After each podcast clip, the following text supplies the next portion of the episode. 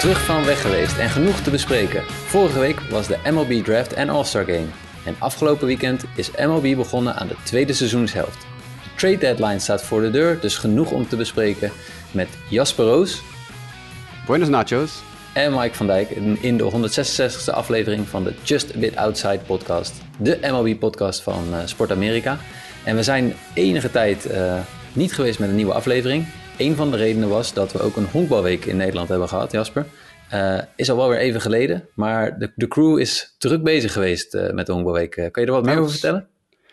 Zeg dat wel druk bezig geweest, ja. Ja, we hebben natuurlijk alle wedstrijden gelivestreamd. En dat waren er twintig stuks in zeven dagen. En die moesten van commentaar voorzien worden en zo. Dus dat heeft allemaal flink wat, wat voeten in de aarde gehad. Maar we hebben uiteindelijk 150.000 mensen bereikt die gekeken hebben.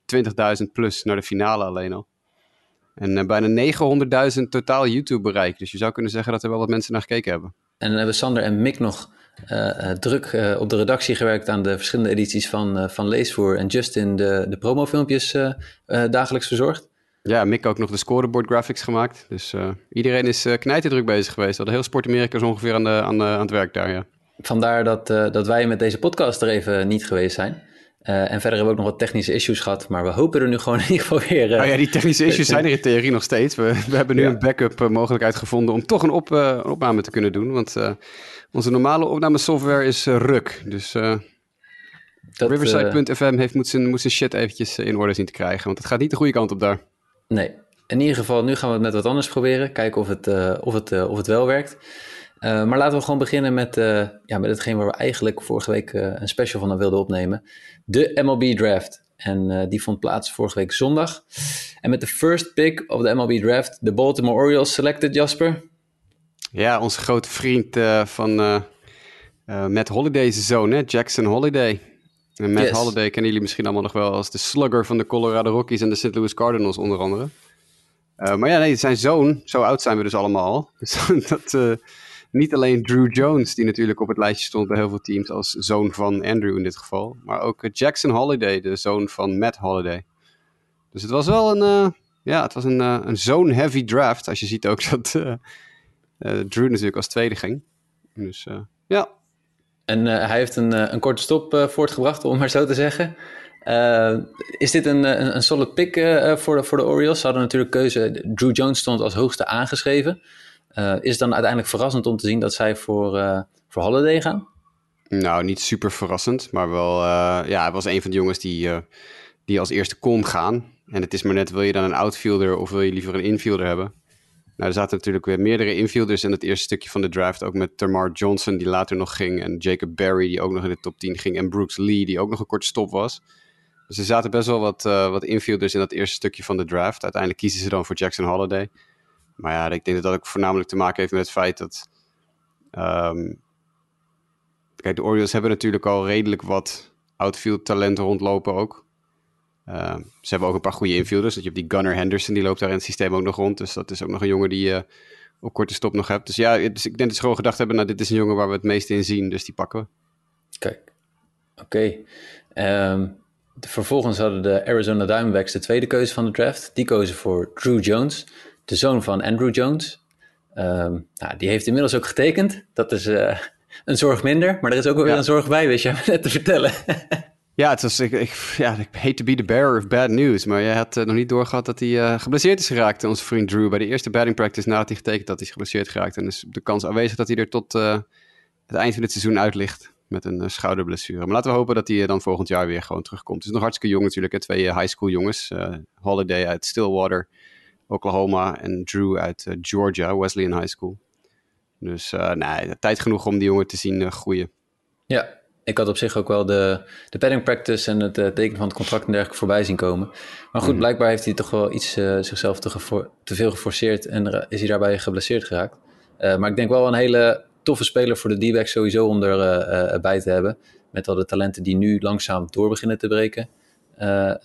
zoals Alec Thomas ja, dan eh, is daar in de toekomst ook nog Drew Jones bij. Dan wordt het wel een leuk, uh, een leuk team. Nou, Jones is echt uh, ja, potentiële all-star zit daarin hoor. Dat is echt een jongen die alles kan op een honkbalveld zo ongeveer. Ja, ja. dus uh, we gaan het zien. de derde pick was wel best wel verrassend om er maar even ja. naartoe te gaan. De Texas Rangers kozen voor Rocker. die vorig jaar nog door de Mets als achtste werd geselecteerd, maar niet tekende. Ja. What to make of ja. it? Kumar hebben we het natuurlijk al een paar keer over gehad in de laatste paar maanden. Want die is eh, op een gegeven moment opgedoken in Indie Ball, in de Frontier League, geloof ik. En daar was hij hartstikke goed. Gooide nog steeds eh, gewoon 99 mijl per uur. De Mets hebben hem vorig jaar niet gesigned vanwege eh, verwachte problemen met zijn schouder of met zijn arm. Nou, die, ja, die problemen zijn nooit echt heel erg tevoorschijn gekomen. Hij heeft een klein blessuretje gehad, maar loopt inmiddels gewoon weer 99 mijl per uur te pompen. Dus de Texas Rangers hebben ze nu allebei. Hè? Jack Leiter en Kumar Rocker. Vorig jaar Jack Leiter, dit jaar Kumar Rocker. Die met z'n tweeën natuurlijk uh, ja, de, de 1-2 punch van Vanderbilt University waren een paar jaar lang. En daarmee ook een, een World Series, College World Series titel hebben gepakt. Dus ja, nee, dit is voor de Rangers een fantastische, een fantastische situatie natuurlijk. Ook hij heeft al getekend, wel geloof ik under slot. Dus wat dat betreft ook een, wat dat betreft nog een goede bijkomstigheid voor de Rangers. En een dikke uh, middelvinger naar de Mets.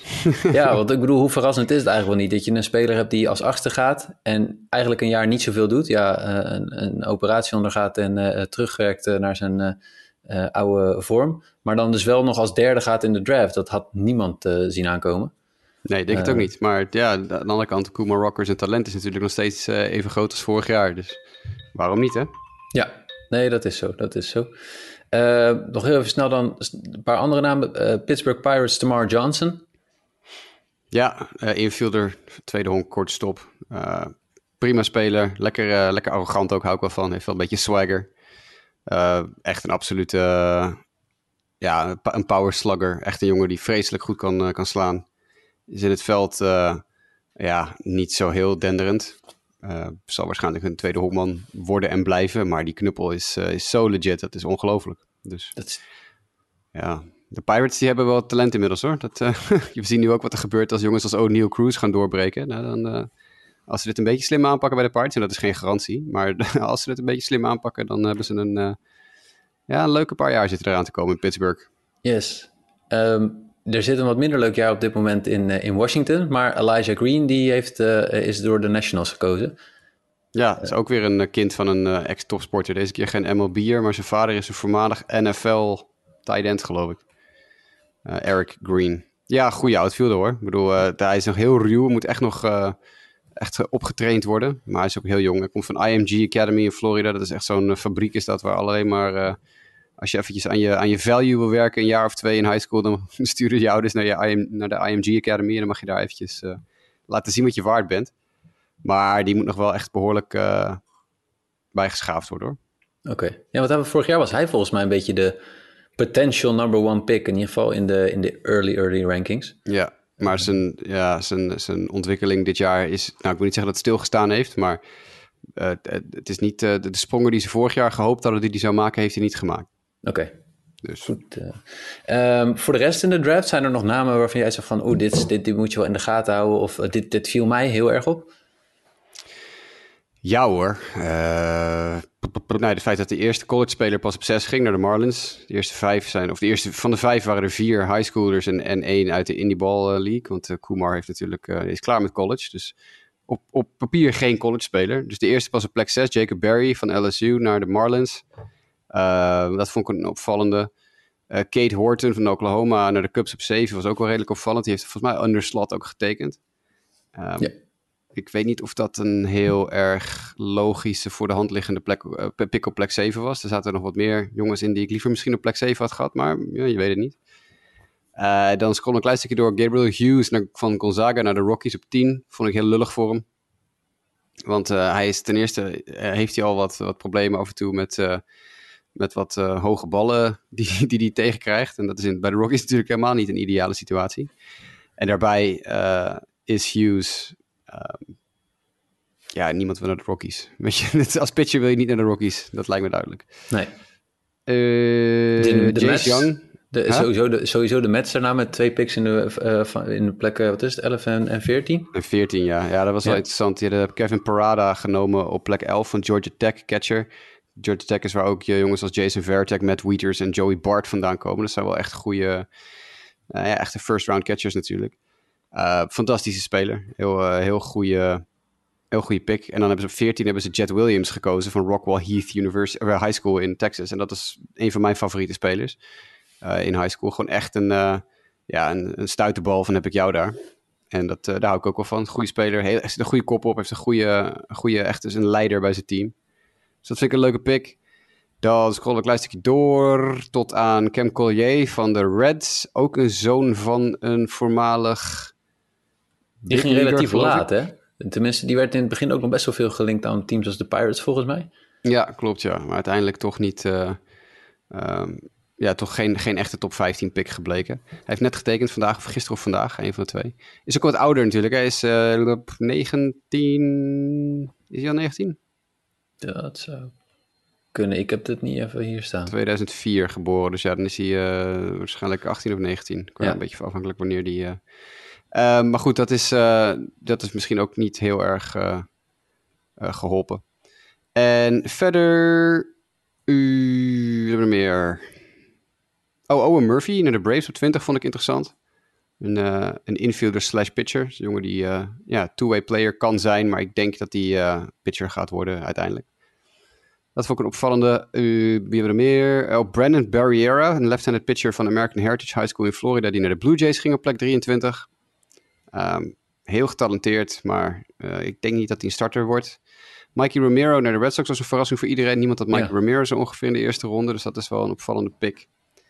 Uh, Noah Schultz van de White Sox op 26 had ook niemand verwacht in de eerste ronde. Die jongen die, uh, had een uh, commitment aan Vanderbilt. En je weet meestal als dat soort jongens als pitchers een commitment aan een universiteit als Vanderbilt hebben, dan is de kans heel klein dat ze ook gaan tekenen.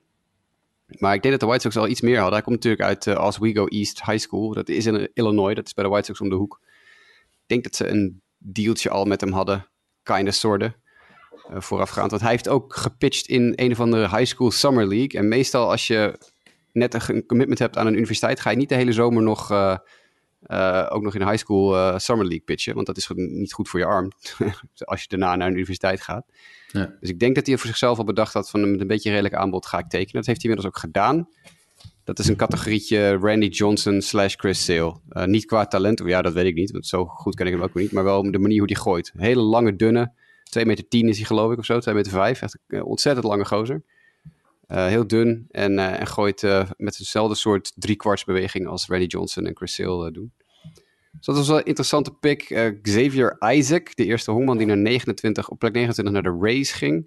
Echt een joekel van een gozer. maar in de, ook echt in de, niet een atletische vorm van het... Nee, nee, maar hij kan wel heel hard slaan. Ja. Maar dat, meestal zie je dat soort jongens, dat soort eerste honkmensen van het formaat Daniel Vogelbach. Nou, zo erg is hij nog net niet, maar het is wel echt een stevige jongen die zie je niet in de eerste ronde gaan. Dus de race, uh, moeten maar even kijken wat ze daarmee gaan doen. Daar was meer verwondering over, ja. Ja, inderdaad, ja. Uh, Reggie Crawford, dat is een echte, ook op 30 naar de Giants, een echte, echte two-way player. Dat is een, dat is een echte. Dus die uh, ja, is ook aangekondigd bij de draft als een two-way player. Dus ik vermoed dat hij uh, dat, dat ook wel gaat proberen. En dan scroll ik even helemaal door het, eh, de Diamondbacks. Ivan Melendez van Texas op plek 43. Dat moet jij ook leuk vinden. Melendez heeft net het high school, of het Texas, of het is het college record voor home runs verbroken, geloof ik. Dit jaar. Nou, dat kunnen wij wel gebruiken. ja, dat is niet verkeerd. Alleen we moeten even wachten. nou ja, dat is waar. Is, uh, maar goed, dat terzijde. Uh, verder een interessante pick. Noem ik nog even één of twee uit de latere rondes.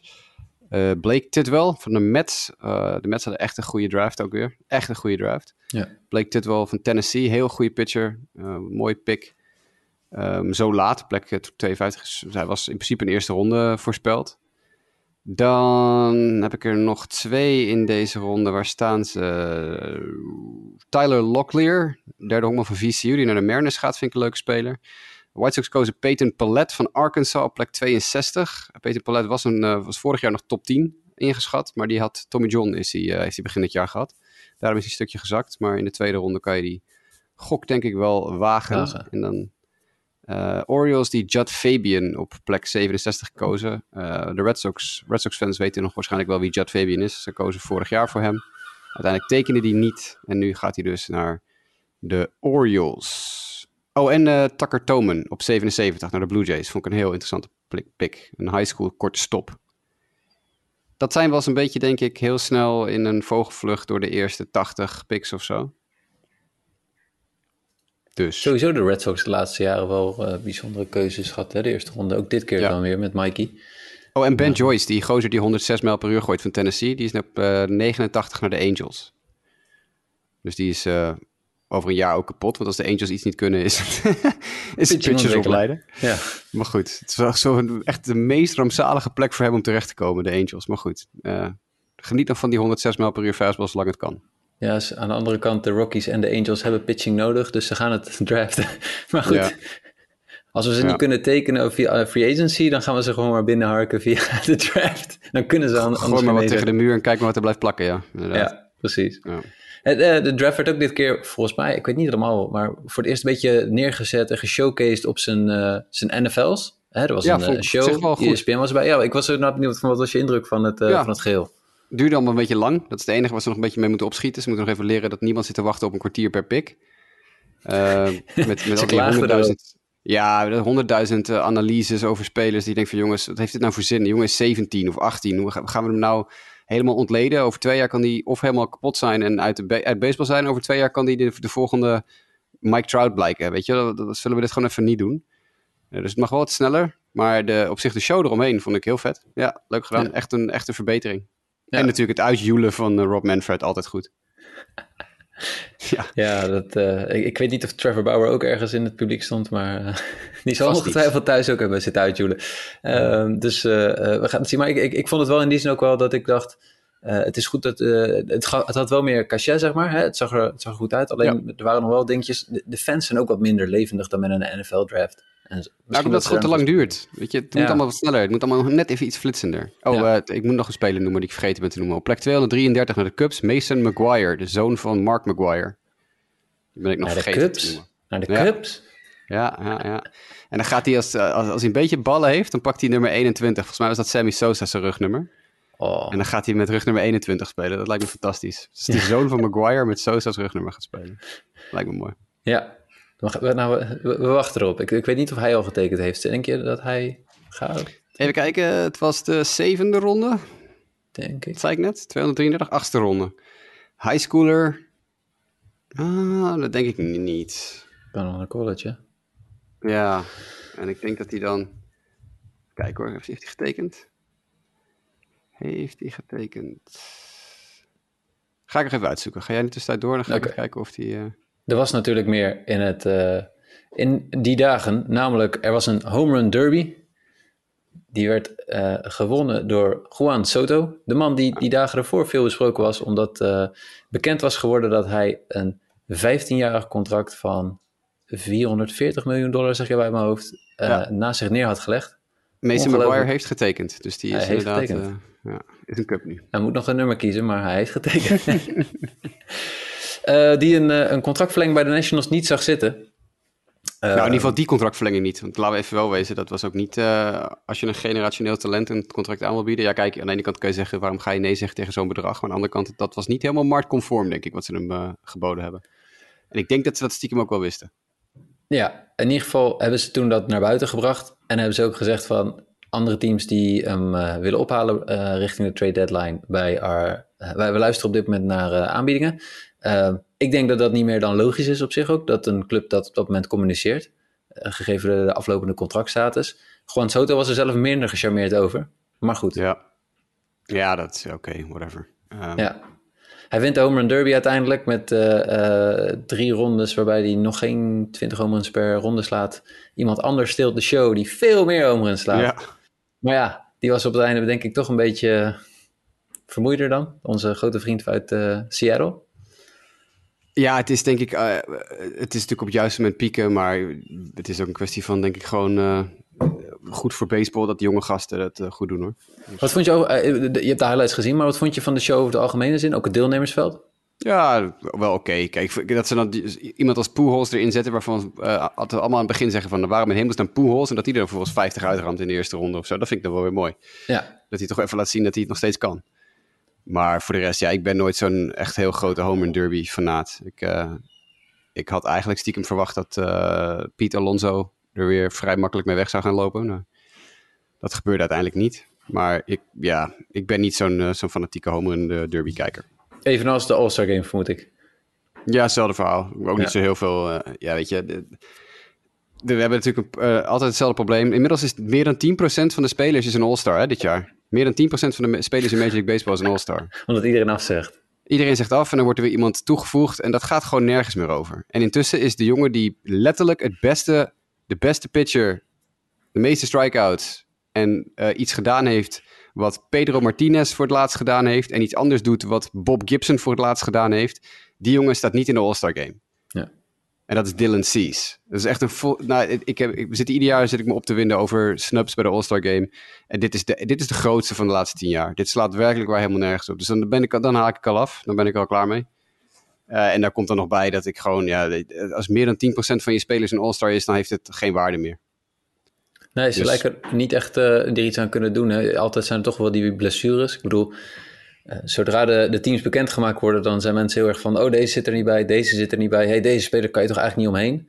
Uh, en het is nu zelfs voorgekomen met een aantal dat die kwamen er toch in, want er was iemand anders geblesseerd. Maar ook dan waren zij weer geblesseerd, zodat de backup van de backup, zeg maar, in die All-Star Game terecht kwam. Nou ja, ja, maar kijk, kijk dan bijvoorbeeld naar Cease. Cease is letterlijk een van de beste pitchers in baseball dit jaar tot nu toe. Die heeft letterlijk dus dingen gedaan die al twintig jaar niet zijn voorgekomen in de sport... of die al sinds de jaren zestig niet meer gebeurd zijn in de sport.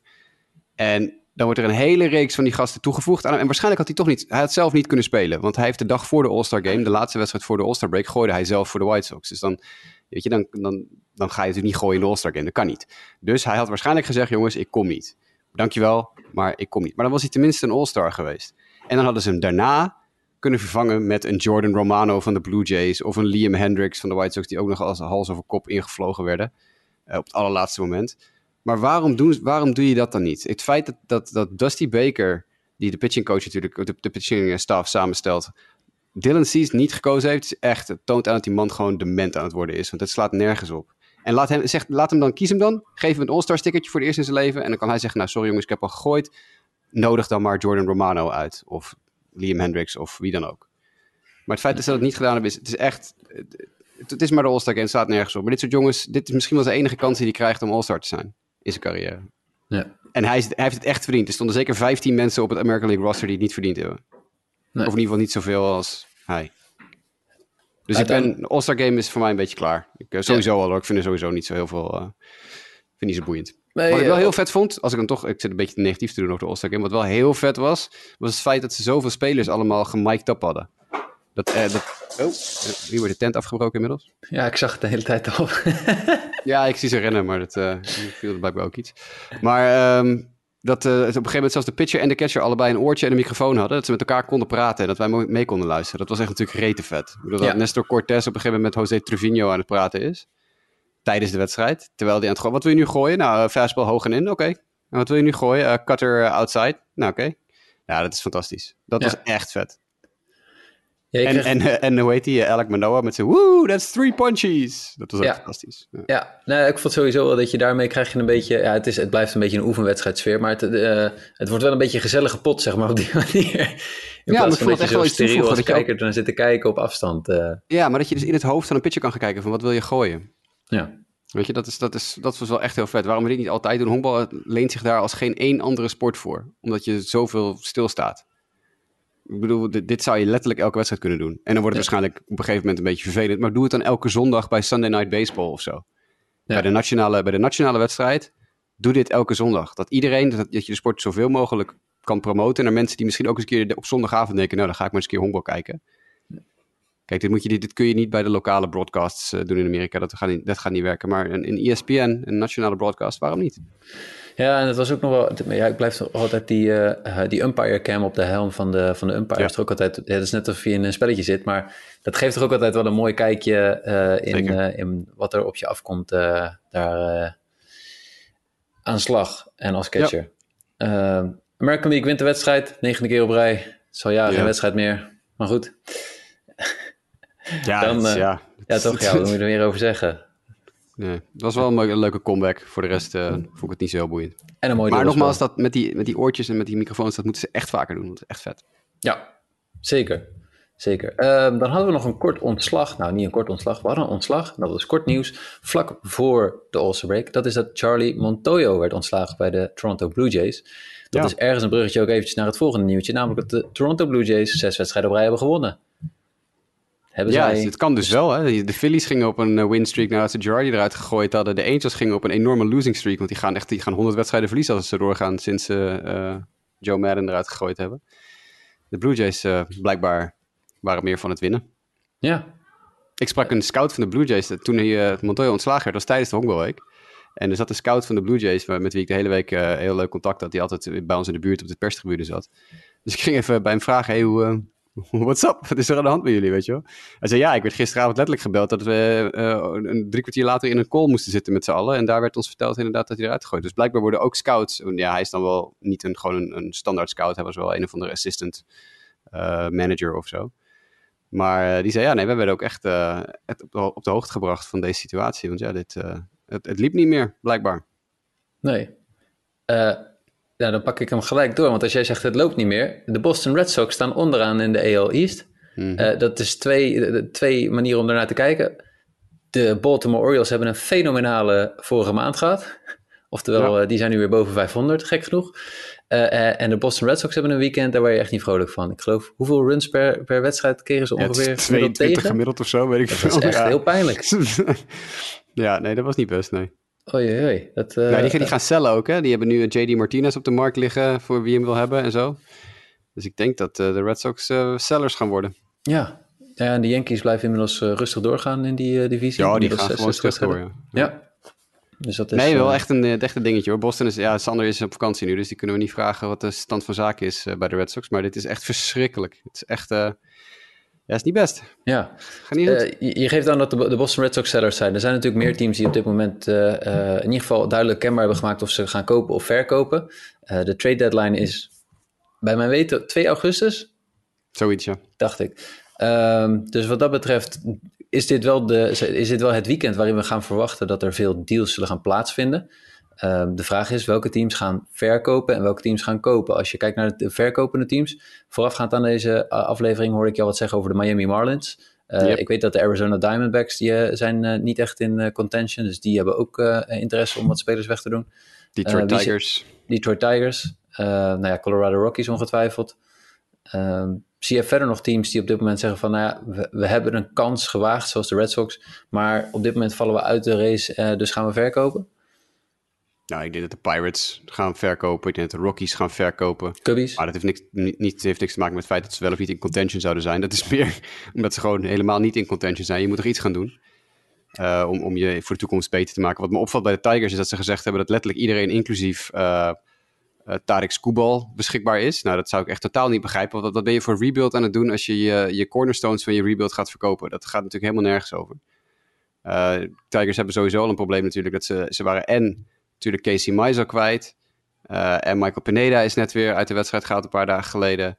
Uh, Kyle en Alex Faedo zijn allebei geblesseerd en we raken, uh, zijn dusdanig geblesseerd dat ze niet meer terugkomen dit seizoen. dus ja, je, je hebt niet zo heel veel met kiezen. Ik snap echt niet waarom je dan Tarik Skubal zou gaan wegdoen. Dat is echt volkomen onbegrijpelijk weer. bij de Rockies heb je natuurlijk altijd de situatie dat er, ja, er valt nou niet echt heel veel te halen op dit moment. Uh, de enige die ze graag waarschijnlijk zouden willen verkopen is Charlie Blackman. Maar ja, die heeft een, uh, een contract, geloof ik, nog voor 21 miljoen dollar dit jaar. En die heeft een spelersoptie voor 25 miljoen of zo volgend jaar. Letterlijk een eenzijdige spelersoptie. Dus hij mag zelf bepalen of hij volgend jaar 25 miljoen of niet krijgt. Dus daar gaat natuurlijk ook geen team gaat zeggen: ja hoor, doe ons uh, Charlie Blackman maar. Tenzij ze heel veel geld willen eten van het contract. Maar goed. De Rockies, ja, in ruil voor talent. Ja, nou, dat zie ik niet gebeuren met zoveel geld. Want dat is echt veel geld. Ehm Pirates, ja, uh, hoe heet die, die lefty uh, Jose Quintana, die staat hoog op de lijstjes bij zowel de New York Yankees als de Chicago White Sox. om het te gaan ophalen als versterking van de, de respectievelijke rotations. Ik denk dat de White Sox hem iets harder nodig hebben op dit moment dan de, dan de Yankees. Maar ja, is wel een, denk ik iemand die je aan het eind van je boepen, als je nog een gooi wil doen naar een playoff plek zoals de White Sox, of als je jezelf aan het klaarmaken bent voor de playoffs, zoals de, de Yankees, dan kan je dat wel kan je dat wel doen, denk ik. Dus ja, die denk ik dat ze ook gaan verkopen. Dat zijn wel een beetje de namen, hè? Die, uh, als we kijken naar de grote spelers, dan Juan Soto, uh, Quintana. Ik heb je eerder ook uh, Contreras, JD Martinez. Ja, heb je trouwens het verhaal gehoord over de Tigers gesproken, over Eduardo Rodriguez? Ja, tenminste, hij was zeg maar missing. Hij was verdwenen, ja. Ik weet niet of hij, hij inmiddels alweer terecht is. Ja, hij is terecht. Maar een, een, tijdje terug was hij dus op de soort van restricted list gezet, omdat uh, ja, er was iets mis met hem. Dat, weet ik veel, stress, paniek of zo. En toen is hij letterlijk is hij een anderhalve maand gewoon niet meer... Niemand heeft contact met hem gehad. Ik geloof 18 mei heeft hij voor het laatst gegooid. Ja. Toen is hij eh, eh, 13 juni op de restricted list gezet nadat hij geblesseerd was geraakt. En zowel eh, El Avila als AJ Hints hadden niks van hem gehoord in de, in, sinds 13 juni. Dus het is een dikke maand. En Ja. inmiddels hebben ze dan weer contact met hem gevonden. Hij is in Florida. En die gozer heeft gewoon een contract van 77 miljoen dollar getekend in november. En dan ga je gewoon mee gewoon een dikke maand gewoon eventjes kwijt. Dan Ja. gaat het nergens over. Nee, maar ook niks, niks laten horen. Ik, ik begreep ook dat ze, ja, niks laten horen is één, maar ik begreep dat ze ook niet konden contacten of zo. Dat ze Nee, precies, ze konden helemaal niet komen. Nee. Maar goed, hij was op de restricted list, dus hij heeft niet beta- dan krijg je niet betaald als je op de restricted list staat. Dus het geld, daar zou het op zich niet eh, de Tigers om te doen zijn geweest. Maar het is toch wel handig als je iemand voor vijf jaar en bijna 80 miljoen vastlegt, dat hij niet zomaar van de aardbodem verdwijnt. nee, Dus- precies. Ja. Ja, bijzonder eh, eh, Oh, situatie. Marlins gaan ook cellen trouwens. Marlins Ja. hebben gezegd, iedereen behalve Sandy Alcantara kan, Alcantara kan opgehaald worden. Dus dat is ook wel een dingetje natuurlijk. Want als je kijkt naar een Jazz Chisholm, ja, die heeft natuurlijk nu een eh, rugblessure, een stevige rugblessure. Is Ligt klaar dit vijf weken uit of zo. Ja, is Ja, het, is hij officieel voor het hele seizoen eruit? Nou ja, de, eh, het, het verhaal is eh, dat hij in ieder geval tot ergens in september uitgeschakeld is. Maar de kans dat hij op tijd terug is, daar staan best wel wat, is, is niet zo groot. Ja, dus ik, dat, ja, precies, zes, zes weken eruit of zo. Dan ben je natuurlijk al bijna aan het eind van het seizoen. Dan zou je hem voor de play-offs op gaan halen. Maar daar ga je natuurlijk ook niet heel veel voor, eh, voor overhevelen naar de Marlins. Nee. Eh, JJ Bleday opgeroepen door de Marlins eh, als prospect, volgende prospect. Max Meyer, die super pitching prospect, is geblesseerd geraakt bij de Marlins. Dus die gaan we ook waarschijnlijk niet zo heel veel meer zien. Maar dus verwacht die je dat er überhaupt veel gaat gebeuren de komende dagen qua, qua trades? Want tot nu Ja. toe in dit seizoen is er, is er eigenlijk relatief weinig gebeurd. Ik denk het wel. Ik, denk, ik weet niet of het allemaal van die grote moves gaan zijn. Ik, ik, als er iets met Soto gebeurt, en er is nu wel weer wat gerommel op de achtergrond, dat eh, de Cardinals en de Nationals aan het praten zouden zijn over eh, een deal. En dat zou dan een joekel van een deal moeten zijn. Maar dat is ook eens een gekke, want Soto, die gozer, die heeft een contract voor nog twee jaar. Of anderhalf eigenlijk, geloof ik. Dus je, het is ook niet zo, kijk, je, natuurlijk, je haalt, een, je haalt een generationeel talent, weet je wel. Maar het is geen garantie dat je hem over anderhalf jaar ook nog hebt. Dus de Nationals kunnen wel zeggen, ja, wij willen deze speler eh, voor een absoluut godsvermogen verkopen. Eh, maar het is, niet, het is niet zo dat een organisatie eh, verzekerd is van de komende tien jaar gewoon Soto. Want voor hetzelfde zegt Soto over anderhalf jaar, jongens, ik ga lekker eh, free agency eh, testen en eh, kom maar over de brug. Dan ben je hem kwijt. Dus aan de ene kant hoor je verhalen dat, dat Jeff Passan tweette dat gisteren ook, dat er eh, eh, executives van clubs zijn die zeggen, nou, wat ze bij de Nationals voor willen hebben, dat gaat echt alle perken te buiten. Dat slaat helemaal nergens op. Uh, en dan moet je ook in je achterhoofd houden dat hij natuurlijk geen langdurig contract heeft. Dus Nee. als er iets gaat gebeuren, dan verwacht ik dat het wel een stevige deal is, maar niet een half farm system. En ik geloof dat de St. Louis Cardinals dus wel behoorlijk uh, ja, in de running zijn eigenlijk. En die moeten natuurlijk wel, want die hebben natuurlijk een paar niet gevaccineerde spelers op hun roster staan die uh, behoorlijk op de begroting drukken. Dus want met uh, Paul Goldschmidt en Nolan Arenado, die in Toronto niet mee mochten doen vanwege hun niet gevaccineerde status, heb je natuurlijk wel je twee supersterren die nou, in de playoffs misschien een probleem opleveren als je uiteindelijk uh, zover komt. Maar de vraag is of Juan Soto wel gevaccineerd is. Ja, volgens mij wel. Die is toch al geweest. Volgens mij heeft hij dat al. Ja, okay. volgens mij is dat wel openbaar bij hem. Uh, ja, en verder, ik verwacht misschien niet al een hele grote namen. Er, is, er wordt gepraat over Otani, die misschien verkocht zou worden door de Angels, omdat ze natuurlijk eigenlijk ook niks meer ja, die hebben niks meer aan hem. Ik bedoel, als je met Otani en Trout niet uh, de playoffs kan halen, ja, dan, dan kan je beter ja. opnieuw beginnen. Uh, maar dat verwacht ik ook niet. Ik verwacht dat heel veel van dat soort spelers van de categorie uh, Andrew Benintendi en zo, dat soort jongens. Hè, goede spelers, bovengemiddelde spelers, maar geen echte absolute supersterren. We weten dat Yankees zijn, zitten behoorlijk achter, achter Benintendi aan bijvoorbeeld. Dus maar hij is niet gevaccineerd. Nee, ja, dat niet. Nee, dat, dat, moet dus, dat moet dus wel. Maar misschien is hij wel net zo'n meloot als uh, Whit Merrifield, ook van de Royals. Die heeft gezegd, nou ja, als ik bij een team speelde dat wel in de playoff hunt was, dan had ik me wel laten vaccineren. Ja, dan ben je, ben je lekker principieel. Godsamme, wat een eikel. Niet te geloven. Maar oké. Okay. Um, dus nee, ik verwacht meer van dat soort uh, moves. Als fan is dat ook een bijzonder om te horen. ja, ja dat niet zo goed zijn. nergens op, man. Houd toch op, schijt uit, jongen. Echt, ja. wat een zak hooi ben je dan. Ja. Dat, dat is dat, goed, oké. Maar ik kan me niet Ehm, voorstellen dat een team voor solo een trade zou maken en vervolgens niet eh, een contract verlengen met een beetje. ik bedoel, eh, ja, ga, Ja, maar je dat weet je, dat, dat weet je Nee, niet. precies, je weet nee. niet of dat... Dat is bij Homburg Nee, niet. Je kan niet zo van tevoren... Je kan niet zeggen, hé, hey, we willen eh, eerst met hem, eh, met hem onderhandelen... en eerst een contract getekend hebben... en dan pas maken we de trade. Nee. Zo werkt het niet. Je, je, dat, dat is, dat- ik weet dat het een paar jaar geleden geprobeerd is met eh eh, Manny Machado. Toen was er sprake van dat de White Sox gingen traden voor Manny Machado... toen hij nog een half jaar onder contract stond bij de Baltimore Orioles of zo. En dat, die wilden ook alleen maar die trade doen als ze een garantie hadden... dat hij daarna bij zou tekenen. En dat, ja, hij zei van dat ga ik niet doen. Of er was een regel dat dat niet mocht eh, besproken worden. Dus toen zeiden de White Sox, nou dan proberen we hem wel als free agent binnen te halen. En dat is toen uiteindelijk niet gelukt. Toen tekende hij bij de Padres. Maar dat is bij Soto hetzelfde probleem. Kijk, je, anderhalf jaar Soto is natuurlijk beter dan niks. Uh, maar het is niet zo dat je over anderhalf jaar zeker weet dat hij nog tien jaar bij je speelt. Ja. Ja, als die er nog bij komt in die line-up, dan hebben de Cardinals wel echt een... Uh... Ja, dan wordt het uh, twee vingers in de neus inderdaad, ja. Maar goed, Yankees Als we een pakketje moeten samenstellen, als we een pakketje moeten samenstellen van, van Cardinals spelers? Dat is een heel goede vraag. Ik uh, ken hun farm system niet uit mijn hoofd. Dus ik ga heel snel voor je spieken. Uh, maar er moet ook big league ready Ja, precies. Ik wil net zeggen, er zal, er zal wat spelers bij zitten. Die, er zullen wat spelers bij zitten die denk ik nu al op het, uh, op het roster zullen staan. Nou, laten we eens even kijken. Is een Dylan Carlson dan een naam? Uh... Nee, daar zou ik totaal geen interesse in hebben als ik de Nationals was. Oké. Okay. Um, je begint met praten met Jordan Walker. De nummer 1 prospect van de Cardinals. En ik denk... Mm, ik, ik denk dat je moet gaan denken aan een Jordan Walker, Mason Wynn, uh, Michael McGreevy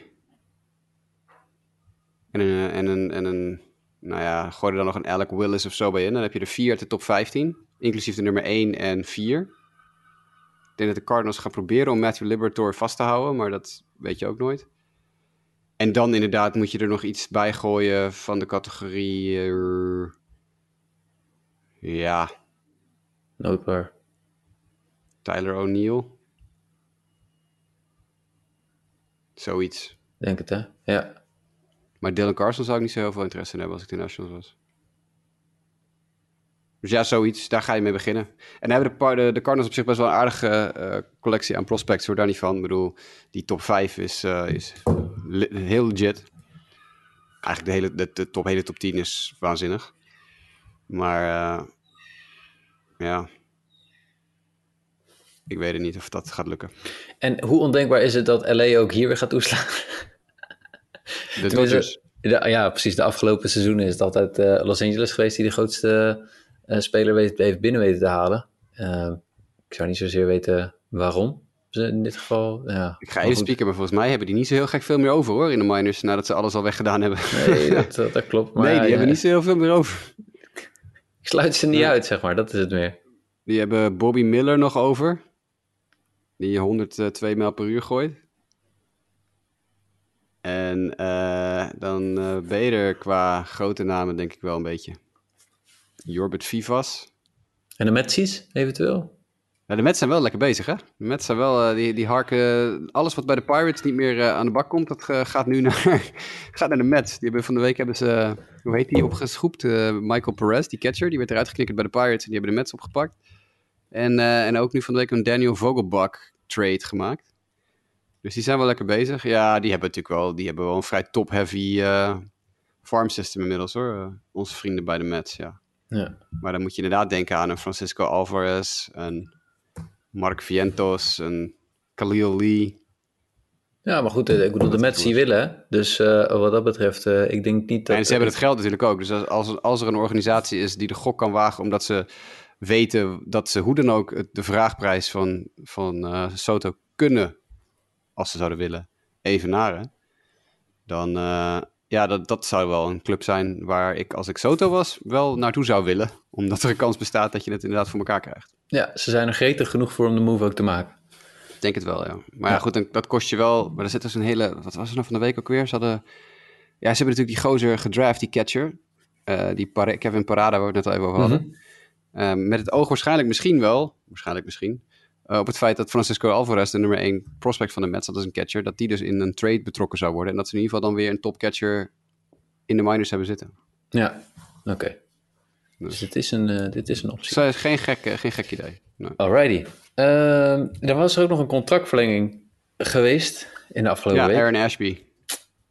Aaron Ashby bij de Milwaukee Brewers. Vijfjarige deal, 20,5 miljoen. Eh, moeten we daar iets van vinden? Ja, Nou, ja, wel leuk. Ja, wel leuk. Voormalig eh, big leaguer als vader natuurlijk ook, Andy Ashby.